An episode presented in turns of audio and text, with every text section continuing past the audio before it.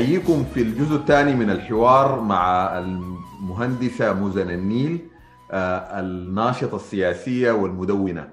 آه، مزن مرحب بك. آه، نحن في نهاية ال- الجزء الأول من الحوار. كنا بنتكلم عن قضايا السلام يعني ورأيك في السلام. الحرية سلام وعدالة. عدالة الضلع الثالث من شعارات ثورة ديسمبر المجيدة. بعد ونحن بنقرب سنتين من يعني سنتين طبعا بدوا من الثورة لكن بنقر- قربنا لسنتين من سقوط ال- المخلوع آه، فأين وصلنا في تحقيق مطلب العدالة؟ أم، تخيل لي حرجع أذكر مثال ذكرته كان في في الجزء الأول بتاع سكان مناطق إنتاج الذهب اللي قالوا إنه مشت الإنقاذ لكن التعدين ما مشى اللي كده ببساطة هم بيقولوا إنه مشت الإنقاذ لكن العداله الاقتصادية اللي بتؤدي لإنه نحن نعيش حياة كويسة وإنه تكوين الثروة في البلد ما يكون على حسابنا. ما حصل. وده ده, بيختصر الحاصل. في في في العداله الاقتصادية غايبة. العداله الاجتماعية غايبة. أو اولويات الدولة ما بتمثل حقيقة عدالة بتبدأ بإنها بتنظر لمنو ال- ال- الواقع تحت تحت تحت الظلم الأكبر وترفع عنه ال- الظلم ده. دي, دي حاجة نحن ما شايفينها. العداله الجنائية طبعا حدث ولا حرج. يعني نحن حقيقة يا حسام الموضوع بقى مخيف. يعني كميه نحن يوميا عندنا عن- عندنا قصص بنسمعها ناس ناس بتموت ناس بتتخطف. اغتيالات آه، اغتيال ب- بهاء الشهيد بهاء نوري آه، الجثث في في مشرحة مدني. وما قاعدين نشوف اكشن بي- بيؤدي لأنه تحصل عداله حقيقية. والموضوع ده هو أنا ممكن الرأي ده ما يكون يعني أنا ما قادرة ما حقوله بشكل حاسم هو ما رأي حاسم. آه، لأنه ممكن يكون في آه، حقوقيين أو قانونيين عندهم رأي يعني آه، عندهم تفصيلة تبرر الحاجة دي. أنا بس في رأيي ك ك ك lay person كامرأة شارع عادية إنه الموضوع ما technic ما technicalities ما تق... يعني ما, ما تفاصيل فنية بتاعت إنه تعيين الفلان وتغيير العلان إنه هي أصلا موازين السلطة. اللي كونت السلطة دي موازين القوى اللي كونت السلطة دي ما ممكن تؤدي لعدالة. يعني موازين ال- ال- السلطة اللي على راسها المجرمين ما ممكن تعمل عدالة. يعملوا عدالة ليه؟ يعني يسيروا نحو العدالة الجنائية ليه؟ عشان هم يحاسبوا نفسهم.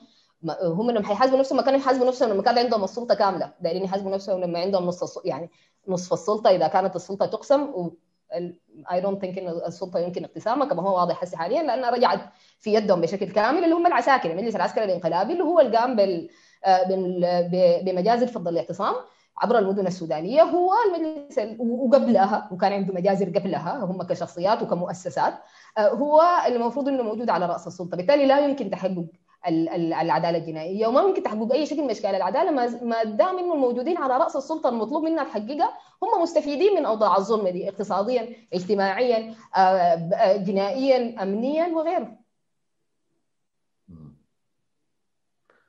طيب آه آه يعني ده لكن يعني ده كلام يخيل لي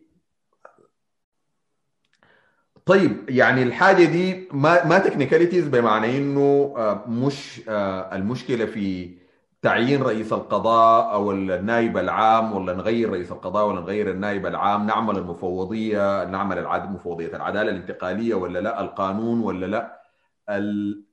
آه، طيب نعمل شنو؟ طيب هل هل هل ما في حل غير نسقط يعني ال- الحكومة دي نسقط ال- النظام؟ المخرج شنو؟ طيب أو أو هل في تقصير؟ هل في دور ممكن يعملوه الناس وما عاملينه لأنه برضه دي واحدة من الحاجات الناس بيقولوها. مثلا في مفتوحة قضايا كثيره ونيابات لجرائم التعذيب مثلا آه، لكن دائما بيقولوا ما ما في ما في زول قاعد آه، ما قاعد يعني ما في ناس بيجوا بيواصلوا التقاضي. آه، قضايا الفساد برضو الناس بيتونسوا لكن ما في زول مشى فتح قضايا بتاعت فساد. ف ف هل هل في تقصير من الناس في الحتة دي؟ وبعدين هل ولا ومن البداية هل الحل بس نسقط يعني ال- ال- الحكومة يعني ولا نعمل شنو؟ أوكي. طيب أم... نحن في بال قلنا المحاسبه بتبدأ من فوق. يبقى ممكن يكون في تقصير من الناس لكن حنبدأ نحاسب من فوق. التقصير جاي أولا من السلطة. والتقصير ده يعني حتى لو بس نحن عاينا لفترة السنتين دي هنلقى إنه لو لو عاينا للعدالة الجنائية لو عاينا لموضوع العدالة فيما يخص مجزرة فضل الاعتصام نفسها أو مجازر فضل الاعتصام في أكثر من مدينة في السودان. العدالة تم استخدامها كورقة تفاوض. صح؟ لفترة طويلة من قبل السلطة. تفاوضت بها إنه آه، آه، لجنة دولية لجنة وطنية فاوضوا في النهاية. واضح إنه في مكاسب ثانية أخذوها مقابل إنه تبقى لجنة وطنية اي ثينك كان إنه ممكن تستعين تستعين بأفريقيا بال يعني أيوة. امكانيات القارة الأفريقية. مثلا. آه بعد شوية تحولت لإنه اتعملت لا اتعملت لجنة بقانون 54 بقانون 1900 لجان التحقيق 1954 اللي هو يعني أنا ما محتاجة أكون بعرف كثير عن القانون ممكن بس تكون أكون عارفة إنه والله كان في حاجة اسمها آه، مجزره عنبر جودة وتعملت لها لجنة بنفس القانون ومجزر في كمية المجازر اللي تعمل لها والجرائم اللي تعمل لها لجان بنفس القانون دي وما أنتجت حاجة المفروض تورينا طوالي إنه هو فاشل.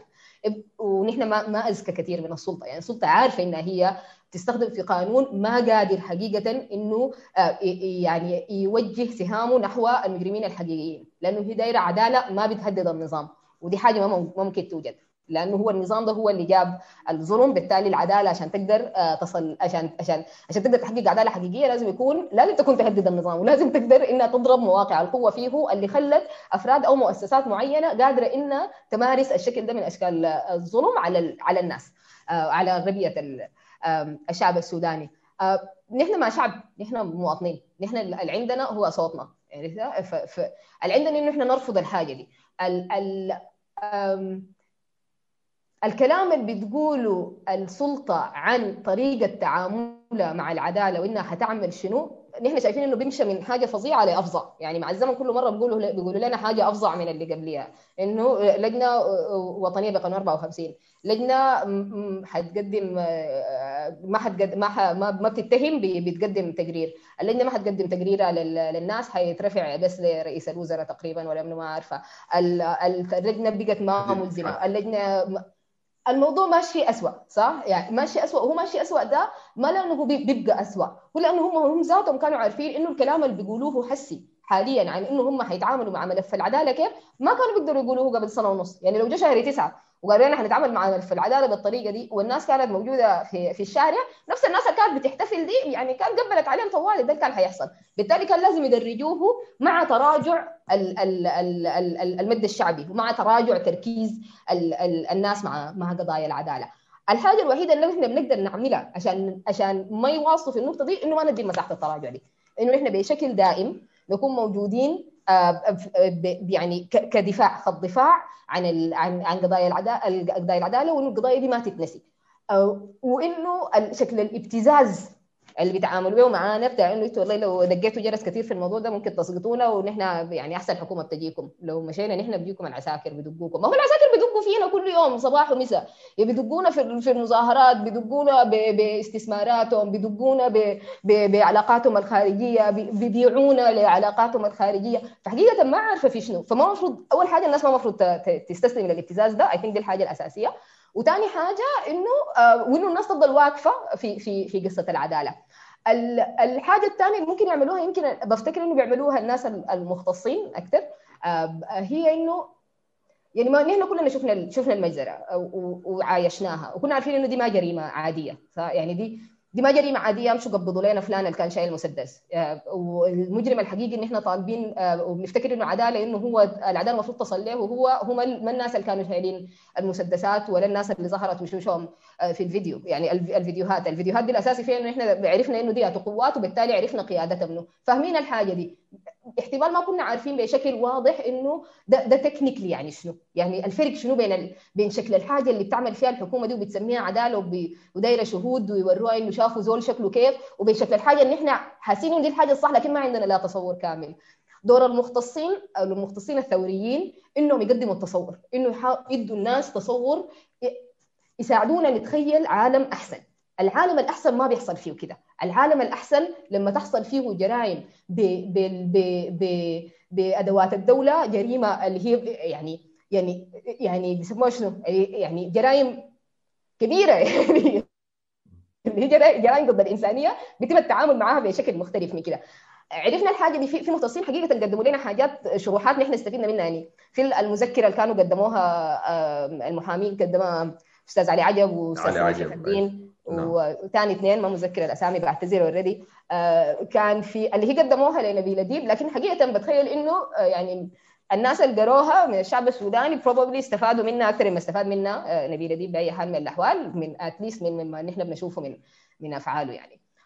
في كان ولاء صلاح المحامية برضو عملت يعني فيديو كان شرحت فيه انه يا جماعة في التقاضي بشكل مختلف وإنه كيف بيتم التقاضي في جرائم الجرائم بالشكل ده ويعني شنو تقاضي استراتيجي عشان إحنا نقدر نغير قوانين عشان الحاجة دي ما تحصل ثاني لأن إحنا ما هدفنا بس العقاب المباشر للزول الشايل المسدس ده وإلا ما حنقدر نعمل حاجة. فهو ده اللي بيقدروا يعملوا المختصين إنه يملكونا الخيال المختلف.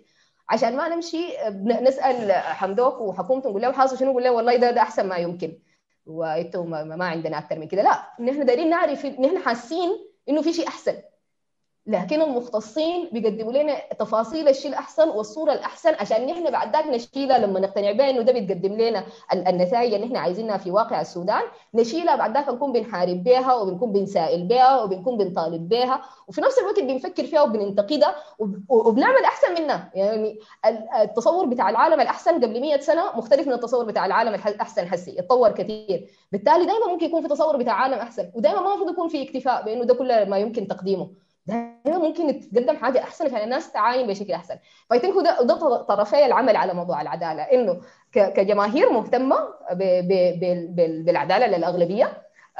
المفروض آه نكون حاطينها كمطلب أساسي ما فيه مساومة وما بنقبل فيه الابتزاز والمختصين اللي عندهم معرفة في المجال ده يعني زي ما ما الحكومة عندها لجان فنية استشارية نحن عايزين لجان فنية استشارية للشعب. عرفت انه المختصين يروا في نفسهم انه هم اللجنة الفنية الاستشارية للشعب ويسلمونا المعلومة. لما عندنا غيرها. يعني ما عندنا حاجة ثانية غير إنه نحن يكون عندنا المعلومة عشان نقدر نحارب الطلس اللي بتقدمه الحكومة هسه حاليا. تمام. طيب بمناسبة الإشارة لمولانا نبيل أديب رئيس اللجنة الوطنية هو للتحقيق في اسمها طويل كده لكن اللي هي معناها تحقيق في الأحداث فض الاعتصام مجزرة فض الاعتصام. طبعا ما عارف في ناس حيكونوا العارفين إنك حيكونوا متذكرين الحاجة دي والما عارفين إنك يمكن بعد الكلام ده حينتبهوا لأنه قبل في السنة اللي فاتت في فترة كده انتشر فيديو آه إنت كانت فيه شابة بتتكلم مع الأستاذ مولانا النبيل المحامي نبيل أديب. بتسألوا عن يعني أسئلة محددة عن اعمال اللجنة. والكلام فيه قسوة والناس آه يعني خلوا يعني اتقسموا طبعا لكن معظم الناس آه حقيقة كانوا شايفين إنه البيت دي بتتكلم كده ليه مع الزول ده ومفروض يكون في طريقة ثانية للخطاب وإن الطريقة دي ما محترمة وإنه وهكذا كده يعني. البيت دي أو الشابه دي كنت انت مزن النيل. آه اللي هو انت تكلمتي مع أو ما متذكر الحاجة دي شهر كم لكن آه شهر اثنين شهر اثنين ألف... يعني بالضبط سنة 2020 آه هل فعلا طريقتك دي ما كانت انت شايفاها كان كان ممكن تعبر عنها بطريقة مختلفة أو هي ما مقبولة؟ آه وبعد سنة منها مما حصلت الحاجة دي ممكن تقولي عن ال... عن اليوم ذاك شنو يعني؟ لو لو اتيحت لك الفرصة الليلة تلاقي مولانا نبيل اديب وغالبا حقول حاجة أكعب بصراحة يعني. بس بتوقع إنه احتمال عدد الناس اللي اللي يكون مشكلتها مع اللي حصل كله إنه مزن قليلة أدب احتمال يكون أقل. آه لأنه أول حاجة آه هو طيب. في حاجات في نقاط كثيره حقيقة في في, في الموضوع ده. يعني أنا عايز ابدا من نقطة إنه هل اللي عملته مزن لما تكلمت مع نبيل اليدي بالطريقة المعينة دي هو قلة أدب؟ نعم هو قلة أدب. وقلة الأدب أو زيادة الأدب هو واحد من الأسلحة البسيطة اللي بتمتلكها الجماهير اللي ما عندها سلطة ثانية غير انها اما تحترمك كموضع سلطة بتجيب لها حقها أو تشيل احترامها منك لأنه شايفة إنه أنت ما قاعد تجيب في حقها بالتالي أنت قاعد تساهم في ظلمة. ما عندنا حاجة ثانية ما بنقدر نرفضه مثلا يعني صح؟ فكل اللي هنا بنقدر نعمله انه نقدم له الاحترام ينشيله. ودي ما مشكلة كبيرة. آه السيستم ده أصلا بتاع إنه نحن أخلاق التعامل دي حاجة إنه أخلاق التعامل مع ال مع ال مع الزول الكبير والزول اللي في موقع سلطة هي حاجة أهم من إنه الزول ده بيعمل في شنو؟ وحياه الناس بتتأثر به وكيف؟ دي أصلا ده يعني ده ده الفريم الإطار اللي بتخطه السلطة عشان تحافظ على سلطتها. عشان هي ما تقدر ت... ت... يعني ت... ما ما بزول يقدر إنه يسائلها بشكل. بشكل بنفس الشكل اللي بيسائل به غيرها تضع نفسها في موضع مختلف. أنا أنا كبير. أنا أنا أنا مهم. أنا عندي جوائز من الاتحاد الأوروبي. أنا وات يعني. فبالتالي ما مفروض ال... ال... الناس تواجه. وأنا متخيل دي, دي أول حاجة المفروض الناس. تحسمها. بيبدأ في السؤال هنا. آه آه إنه هو مين عنده أثر في حياة الناس؟ يعني آه قلة أدب الفلان المتحدث قتلت زول شالت حق زول ده ما حاصل.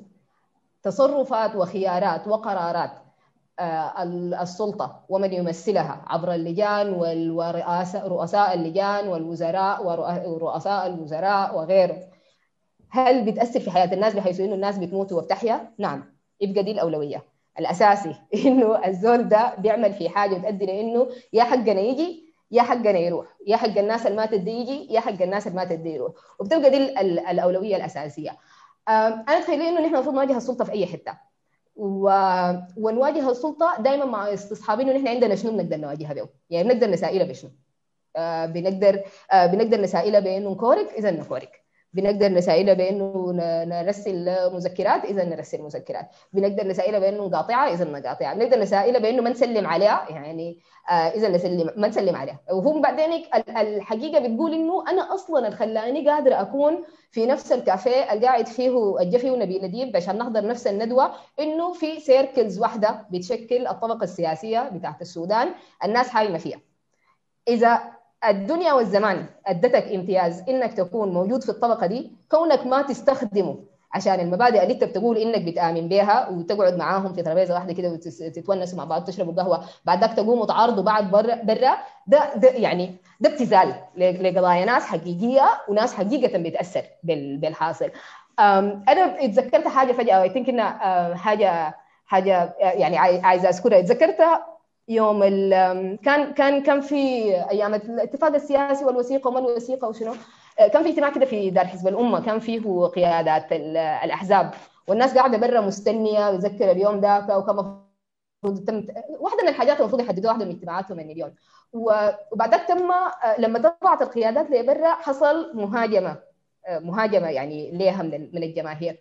أنا أكثر حاجة عجبتني في الحصل ده لأنه يعني قصه إنه ما تهاجموا ما تهاجموا القيادات دي كانت حاصلة شديد وأي زول بيسأل بسائل قحط هو عبارة عن خائن وعميل للدولة العميقة. الوقت ده كان الموضوع ده منتشر شديد بشكل أكبر من هسه بكثير. فمن الناس اللي كانوا واقفين قدام بيسألوا في في القيادات السياسية كان كان ابن واحد من رؤساء الأحزاب. وادخل دي كانت حاجة حسمت إنه ما في زول يجي يتكلم عن إنه ده ده دولة عميقة وبيقل في ادبه ده ولده. يعني هو ده ولده ذاته. الزول ده ممكن يكون غير إنه جاي يتكلم عن موضوع بيتكلم فيه ده ما إنه والله مرسلينه ولا مهرشينه ولا أي حاجة. وأنا ب ب بفتكر إنه اللي عمله شريف محمد ضياء اليوم ذاك كانت حاجة مسهله وحاجة شجاعة وحاجة كويسة وحاجة نحن المفروض كلنا نتعلم منها. إنه إذا عندك الامتياز بتاع إنك تكون موجود في المكان ده استخدمه. إذا عندك الامتياز اللي بيحميك من إنه تتسمى خائن وعميل ويتم إقصائك بالطريقة ده استعمله طوالي. عندك الامتياز اللي بيخليك تدق جرس تدق جرس طوالي في اللحظة ديك. إذا عندك الامتياز اللي بيخليك تسمع الكلام ده كله وما يأثر فيك وما يؤدي لإنه تفقد عملك ما يؤدي لإنه استخدمه طوالي لأنه غيرك ما عنده. يعني بيجي الامتياز بيجي بمسؤولياته. فعشان كده أنا بقول إنه أنا لو لو مشيت الليلة تخيلي حكون even أشجع؟ يعني اكتشفت إنه يعني ما في حاجة هتحصل لو الناس جو قالوا إنه البنت دي منكوشه وقليله أدب. لكن في حاجات كثيره كعبه بتحصل لو ما في زول سأل نبيله دي وده اللي إحنا شايفينه لحد يحس يعني. نعم نعم. أيوه. هو حقيقة أيوه آه يعني ال... أنت قاعد تتكلمي عن الموضوع ده م... أهميته مش في الموقف ده بس لأنه أنت تكلمتي عن طريقة بتاع التعامل كاملة. لأنه نحن. في ناس الدفاع عن الحاجة دي أو الانتقاد بتاع الموقف ده فيه جزء بتاع إنه والله السودان الجميل سودان الزمن الجميل. بتاع والله المحجوب وزروق وأزهري بيكونوا بيتشاكلوا في في البرلمان لكن بالليل يقوموا يمشوا يتعشوا مع بعض وما عارف شنو وكده. وبتاع. واللي هو في ناس كتار يتكلموا عنها. طبعا الحاجة دي مواصلة في الطبقة السياسية في السودان إنه آه الناس ظريفين لما زول عيا بيمشوا له كلهم ولما يموت بيمشوا المقابر وكده والعلاقات الاجتماعية ولما زول يعرس بيمشوا يحضروا الولد ويعرس بيمشوا له في الكده آه اولا دي ما منعكسه على حياة الناس الثانية الثانيين اللي هي انت قلتي برا الطبقة دي. ثانيا الظرافة دي ذاتها الحقيقة حدها الحاجات الاجتماعية دي. لأنه ما بتنعكس ذاته على الشغل السياسي. يعني الظرافة دي ذاتها ما بي ما بتقاعدة تخليهم إنه هم يقدروا يشتغلوا شغل. والدليل إنه نحن ما عندنا تحالف قادر يست... يعني يعمل نتيجة أصلا في في تاريخ السودان ده. ما في ما في الناس ال... ال... ال... العلاقتهم كويسة وبيتعشوا مع بعض ديل. آه لما نرجعوا لشغلهم الحقيقي اللي هو شغل السياسة ما قاعدين يتعاملوا بنفس الظرافة اللي يصلوا فيها لحلول. عارف يا حسام هختلف معاك هنا. أنا بفتكر إنه بالعكس إنه طريقة العمل السياسي بتعكس مقصود بها كده. ما, دي. أيوة. ما أنا قصدي كده. أنا برضو يعني لكن آه أنا بتكلم عن إنه إذا كان مقصود بالسياسة سياسة بتاعت تحل مشاكل. هو الحقيقة إنه لا ما مقصود. هم هم كده جزء من مواصلة الموضوع ده و... وكل زول بيتغير الحاجات. لكن تفضلي يعني اذا إذا يعني إذا عايزه تعلقي أو توضحي أكثر يعني بس عايز تقول إنه هي واضح إنه ما ده بوريك حاجة. إنه الناس دي ما منقسمة حقيقيا بناء على مبادئ بتخلي ما هو أنا لو قاعد يعني أنا لو نايب في برلمان وقمت قلت لزول إنه أنت السياسة بتاعتك دي بتأدي لإنه اهالي يموتوا. ما ما في زول بيقتل أهلك أنت بتمشي بتقعد تتعشى معه. معناه أنتم ما منقسمين حقيقة يعني يعني على طرفي المبدأ بتاع إنه الناس تموت ولا الناس ما تموت. الحقيقة إنه الانقسام حاصل بالعكس. أنتم كلكم سوا كطبقة سياسية قاعدين فوق بتتناقشوا كلكم مع بعض وفي النهاية بترجعوا بتتعشوا مع بعض. عشان كده في النهاية بيجوا أبناء الوزراء وزراء وأبناء السفراء سفراء لأنه هي لافة في بعضها. الهدف أصلا من الظرافه دي إنه الطبقة السياسية تحافظ على نفسها وتحافظ على إنه هي ما تكون عرضة للانتقاد اللي بيتعرضوا له الناس العاديين وبالتالي ما عرضة للمحاسبة اللي بيتعرضوا لها الناس العاديين بالتالي تحمي مصالحها وتفضل مقفوله على روحها بتعيد في إنتاج نفسها وبتعيد في إنتاج نفسها الامتيازات عشان الوزراء يدوا لأولادهم الوزارة والسفراء يدوا لأولادهم السفارة وهكذا يعني إلى الأبد. تمام. و... و... وبرضه للتوضيح إنه بعد سنة من الكلام ده زي ما أنت قلتي هو اللجنة دي يعني شفنا فيها اولا آآ آآ إهمال شديد جدا بصورة مقصودة لأنه تخاطب الشعب السوداني. الأستاذ مولانا الأستاذ نبيل أديب بكل الاحترام يعني له كرجل ومناضل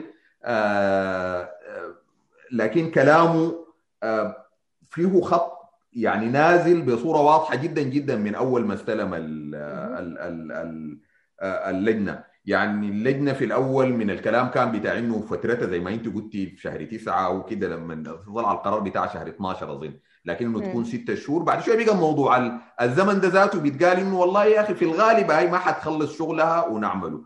آه لما الناس بيتكلموا بيسالوا الأسئلة بتاعتك دي ما في زول بيجاوب آه مؤخرا بدأ الكلام عن إنه والله أيوه لا ما عندنا. يعني آه ما عندنا إمكانيات. طيب ما هو ما عندكم إمكانيات؟ دي ما كان تقولوها من الأول وأطلعوا قولوا للجماهير. والفضيلة بتاعت إنه اذا اذا إذا زول معين بقى ما قادر ما يقول يعني. ما هي نحن مشكلتنا مع الناس اللي دخلوا الحكومة زملائنا وأصدقائنا اللي دخلوا الحكومة وخسرناهم ديل يعني.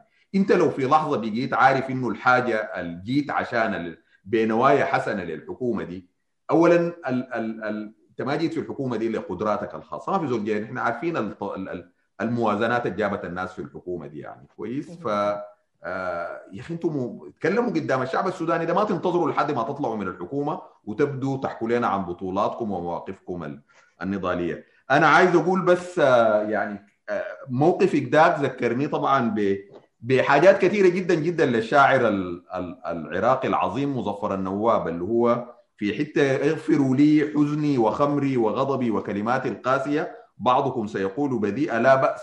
أروني موقفا أكثر بذاءة مما نحن فيه. كويس.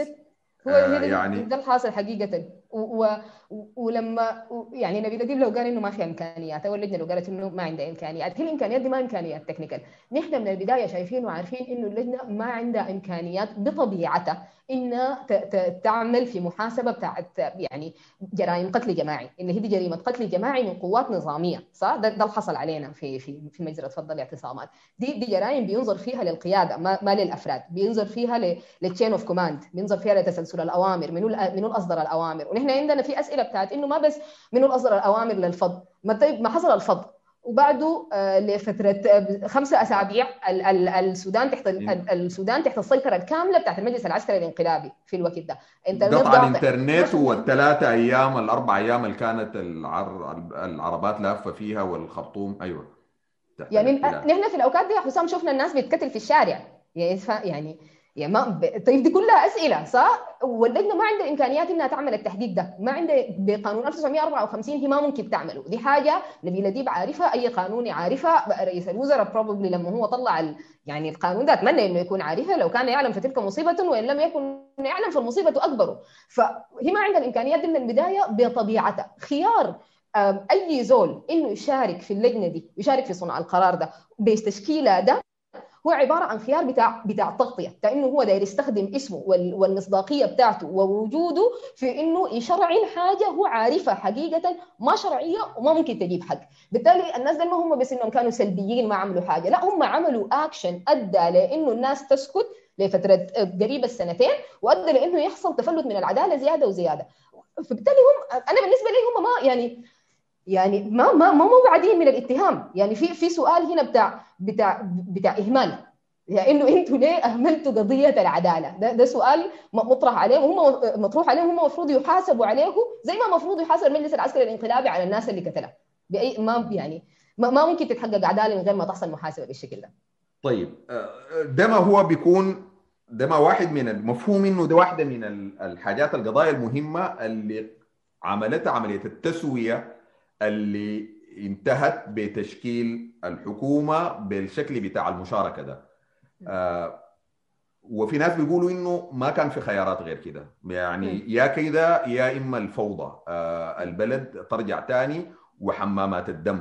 وإنه الناس ال ال الواعين بإنه مشوا وواصلوا في موضوع التسوية من أحزاب من قوى الحرية والتغيير المختلفة وبرضه لازم الإشارة لإنه كل الناس ديل كانوا مشاركين في الوثيقة أو في الاتفاق السياسي آه، ولحد ما تم الاتفاق ده كل الناس كانوا مشاركين فيه. كل الأحزاب السياسية المشاركة في قوى الحرية والتغيير في كلام كثير عن حجم المشاركة وشكلها وكده لكن الناس دي شاركت والناس دي واصلت في الموضوع لحد ما عملوا الوثيقة الدستورية وتم تشكيل ال ال ال ال يعني ظهرت ال آه، آه، أشكال الحكم أو هياكل الحكم بشكلها اللي شايفينها حسي دي. آه، هل فعلا ده كان الحل الوحيد؟ آه، هل كانت في خيارات أخرى ولا كنا حنمشي نواصل في في حمامات دم؟ وبعدين الكلام ده منه عايزك تتكلمي لنا عن طيب آه، الدور بتاع منظمات المنظمات دي نفسها التنظيمات دي المختلفة اللي هي كانت من الفاعلين والمؤثرين في الحراك بتاع ديسمبر أو ثورة ديسمبر من أحزاب لنقابات لمنظمات مجتمع مدني مختلفة والسلطة بتشكيلات العسكرية والأمنية وكده. الأجسام المشتركة الليلة في في في هياكل الحكومة الانتقالية دي سواء آه، موجودة لسه أو طلعت لأنه برضه في أجسام ثانية كانت قاعدة وقررت إنه تطلع من اللعبة. آه، على الأقل من التمثيل في الهياكل. اللعبة كانت أحسن. كانت تطلع من اللعبة. طيب. نعم. طيب. دقيقة. طيب. it's big question أو هو سؤال كبير. خلينا نبدأ من إنه آه لم يكن بالإمكان أفضل مما كان. نحن لو رجعنا حتى لو ما رجعنا للبداية يعني ما ضروري نرجع قبل ما حنرجع نبدأ من 13 ابريل يعني إحنا هسه قلنا إنه ال ال آه، اللجنة كان ممكن تتكون ب ب دقيقة حسام we need to pause I'm sorry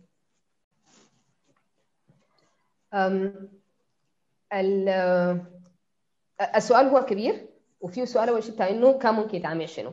الحقيقة هي إنه في أي خطوة كان ممكن يتعمل فيها حاجة وبرجع للسرد اللي سردناه عن تطور ال ال ال العدالة في موضوع المجزره من من دولية لوطنية تستعين لوطنية ما تستعين لوطنية بقانون 1954 لوطنية بقانون 1954 وما حتطلع آه، قرار في كل آه، كان آه، في خيارين السلطة اختارت الخيار الأكثر مهادنة.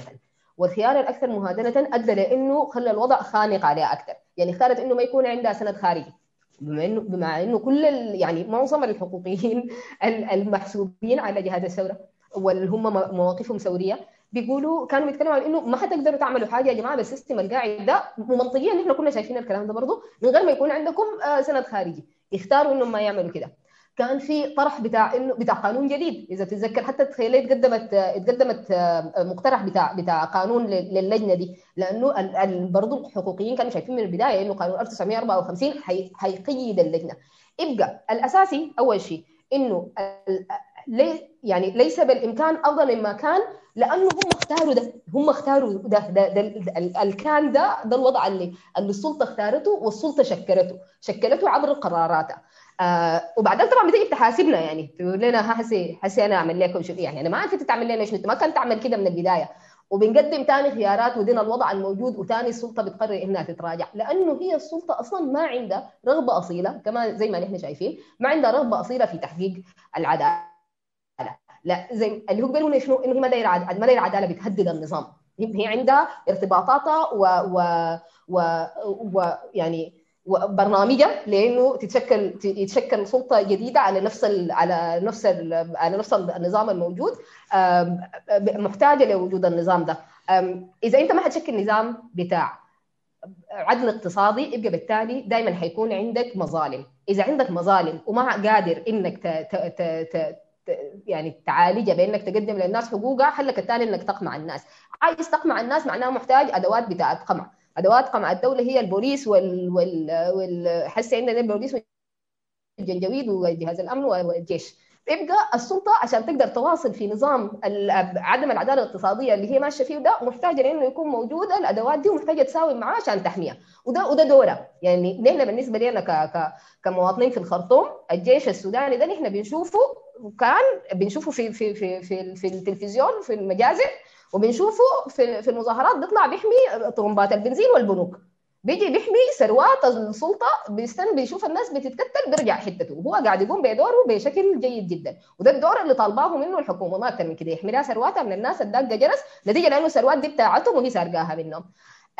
دي كانت حاجة طبيعية إنها تحصل نتيجة للقيادة الموجودة. يعني ال ال أنا متخيل لي في أي حاجة منطقيا ممكن نطالب بها القيادة دي. انها القيادة السياسية قوى الحريه والتغيير أو غيره الطاقه السياسيه دي إنها كان ممكن تعمل حاجة أحسن من كده. هي بتكوينها ده كله اللي ممكن تعمله وده مصالحها اللي هي بتدافع عنها. يعني ده زي السؤال بتاع إنه كان هتلر ممكن يعمل شنو عشان يحمي اليهود؟ هتلر ما داير يحمي اليهود هتلر كان داير يقتلهم. وكانت قحط كان ممكن تعمل شنو عشان الثورة تصل لأهدافها؟ قحط ما دايرة الثوره تصل لأهدافها قحط دايرة تعطلها في النقطة بتاعت إنه هي في نفس النظام الموجود تجي تطلع تعمل تكون هي السلطة الجديدة. لأنه ما في ما في تنظيم ثوري حقيقي في السودان بيدافع عن مصالح الأغلبية المفقرة من السودانيين. الحاجة دي ما موجودة. الصح بيبدأ بإنه يتم بناء التنظيم الثوري الحقيقي اللي بيدافع عن مصالح الأغلبية المفقرة. ما إنه نحن نتخيل بأي شكل من الأشكال. إنه القيادات المنتمية للطبقة السياسية التاريخية المستفيدة من الامتيازات التاريخية بتاعتها دي ممكن في أي حال من الأحوال وبالبناء بتاعها. ده الموضوع ما أفراد. الموضوع إنه أنت بتتولى ياتو يعني بتتوجه نحو ياتو مصالح. هو غالبا الأفراد حي حيمشوا في في في المصالح اللي بتشبه مصالح طبقتهم. بعض الأفراد حيقرروا انه يمشوا في مصالح عكس مصالح طبقتهم وفي السودان لازم يحصل كده لأنه هو اللي عنده الإمكانيات إنه يتكلم واللي الحكومة مستعدة إنها تسمعه هو اللي عنده المصالح التاريخية. الوضع الاقتصادي الأفضل حيؤدي لإنه عدد إنه الأغنياء والموجودين أو المرتبطة مصالحهم الطبقه السياسية مرتبطه بهم دي حينهاروا. في لازم في ناس قاعدة هنا تشتغل للحاجة دي تشتغل نحو إنه الطبقة بتاعتنا تنهار عشان الدولة تبقى أحسن. الطبقة الوسطى طبقه الامتيازات التاريخية دي المفروض إنه الثروات دي تصل للناس كلها. آه طبعا الحكومة مرات برضه بتستخدم هسه السلطة بس اذا قلنا السلطة بتستخدم الرسالة دي بشكل سكيود بشكل جايد كده. بشكل بتاع إنه آه والله مصالح مصالح الريف مثلا بتتطلب إنه نحن نشيل نشيل, نشيل الدعم. نوديها أيوه نشيل الدعم الدعم الخرطوم طبعا ما بتقول لنا انه أصلا القرار بتاع توزيع توزيع الدعم على الولايات ده قرار بتاع السلطة المركزية ولا انه هي أصلا قايمة به وهي اللي بتقرر إنها تفضل تدي الخرطوم لأنها بتخاف من مظاهرات الخرطوم لأنها سلطة مركزية ما فارق معاها إنه بتقوم مظاهرات في حتة ثانية دي ما بتقول علينا على الإطلاق. وهي الحاجة دي أصلا زي إنه تجي أنت تخيل إنه يجيك صاحب المصنع اللي أنت شغال فيه. يقول لك والله انت يا موظف العمال ديل قاعدين ياخذوا مرتبات أقل منك بكثير والكلام ده ظالم فنحن حنشيل من مرتبك نديم. طيب الأرباح اللي أنت بتراكمها يعني تشيل من مرتبين ولما تشيل من الارباح التراكمه وأنا أعيش حياه احسن وهم يعيشوا حياه احسن وكنا حتة ما حيقولوا الكلام ده لأنه ده بيهدد أرباحهم. هم فنحن لازم ما عندنا حل غير إنه يتم تكوين الحزب الثوري، الحزب الثوري والتنظيم الثوري ايا كان هو تنظيم حزب وات اسمه الجديد، النهاية الناس بتخلق أجسام سياسية طول الوقت وبتخلق أشكال جديدة للتنظيم السياسي، لازم يكون موجود في تنظيم ثوري بيعمل عشان مصالح الأغلبية المفقرة من السودانيين. الأحزاب الموجودة حاليا دي كلها أحزاب إصلاحية. ولاسباب غير واضحه مبسوطة باصلاحيتها أنا ما فاهمة ليه. آه لكن هي آه يعني بتجي بتتكلم عن إنه هي دايرة تصلح دايرة تصلح الوضع من تصلح إصلاح جهاز الأمن. هو جهاز الأمن ده ما خربان هو ما بايظ هو شغال شغله. يعني هو أصلا جهاز الأمن ده عملوه عشان يقمع وهو الفترة الوحيدة اللي اللي فشل فيها لما ما قدر يقنعنا كفاية وطلعنا الشارع ووصلنا للقياده عرفته وحاول إنه يقنعنا والله كل يوم يجي الصباح الصباح يضرب دوشكات بومبان حاول اجتهد أنتوا لو صلحتوه هيقدر يقمعنا ده الإصلاح الوحيد اللي ممكن تعمله جهاز الامن فالأجهزة دي أصلا هي ما صممت عشان إنها تعمل حاجة كويسة وبعد ذاك باظت فعشان كده محتاجين نصلحها. الأجهزة دي صممت أصلا عشان تنفذ أهداف فاسدة. بالتالي إصلاحها فكرة فاسدة حتؤدي لأنه هي تكون أفضل في تنفيذ الفساد ده. بس بهذه البساطة. والحاجة دي ما واقفة مثلا على على الأجهزة اللي هي في أجهزة القمع والأجهزة اللي تستخدم القوة. الموضوع واضح صح؟ إنه الأمن بيضرب منه الجيش بيضرب منه. لكن في في يعني أجهزة مدنية بتاعت الدولة برضه بتمارس أشكال مختلفة من العنف اللي هو زي اللي هو سميناه العنف الاقتصادي. يعني أنا العنف الاقتصادي سوري أنا برجع دائما لموضوع لموضوع التعدين.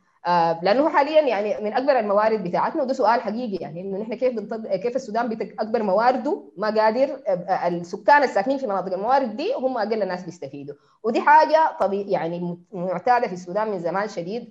من إبراهيم البدوي بتذكر لما أول خطاب قاله ذاك كان يتكلم مع برضه قال إنه آه آه قال شنو هو؟ قال أيوه الثروة الحيوانية بيعتبرها من ال low hanging fruits والعبارة دي من إبراهيم أحمد. شفتها؟ من إبراهيم أحمد سنة 56 لحد إبراهيم البدوي سنه 2019 اي وزير مالية هنا جينا بقول لنا الثروة الحيوانية. إنه واحد يحكي لنا داير يعمل شنو؟ للناس اللي actually بيطلعوا الثروة من من الثروة الحيوانية دي الناس الشغالين في مناطق الرعاة دي ما حصل. ونحن ما حصل شفنا أي تمثيل للرعاة في السودان؟ أول تمثيل حقيقي يعني تمثيل كبير لمجتمعات الرعاة موجود في السودان هو حميدتي يعني لأنه ده مليشيا ودي الحاجة دي النتيجه الطبيعية بتاعت إنه يكون عندك مجتمع بيطلع منه الثروة وما بترجع له أي خدمات بالتالي تعامل معه كمستعمر ما أكثر من كده. ففي النهاية بتعامل معه كمستعمر وبتمسك جزء منه بتديه سلاح هيتحول لميليشيا يعني هيجي السلطة بالطريقة دي. فدي لازم دي حاجات لازم تتحل. نفس الشيء قاعد يحصل حسي في لما تحولنا للصناعات الاستخراجية متضررة وما ماخذه أي فائده مناطق التعدين والذهب برضه أكثر مناطق متضررة من التعدين وما ماخذه أي فائده من الثروات بتاعته. بتلقى إنه يلا الفكرة الإصلاحية كيف تقول لك شنو بتقول لك انه إحنا عشان نصلح الموضوع ده المفروض نمشي نصلح النظام بتاع بتاع المعادن ده.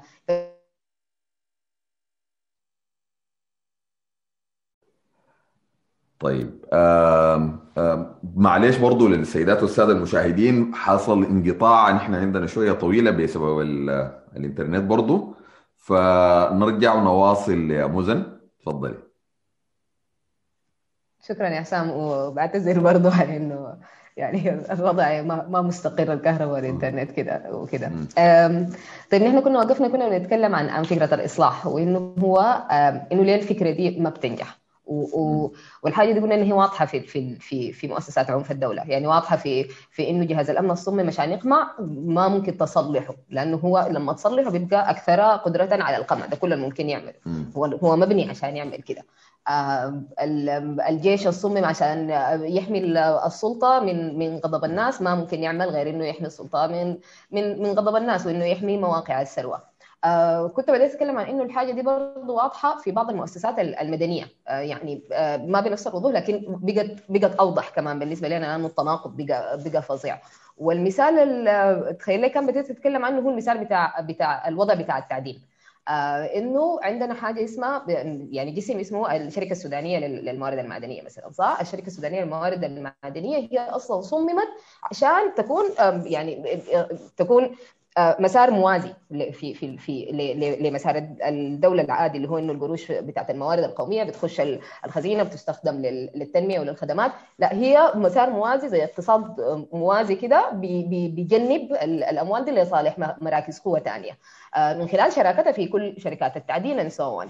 ما ممكن تصلح. ودي أكثر حاجة واضحة والتناقض فيها واضح شديد لأنه يعني ما الفكرة كانت بالنسبة لهم أو للناس اللي طرحوا فكرة إنه نحن نغير القيادات ونغير الناس ونستخدم نفس السيستم عشان نعمل له حاجات أحسن.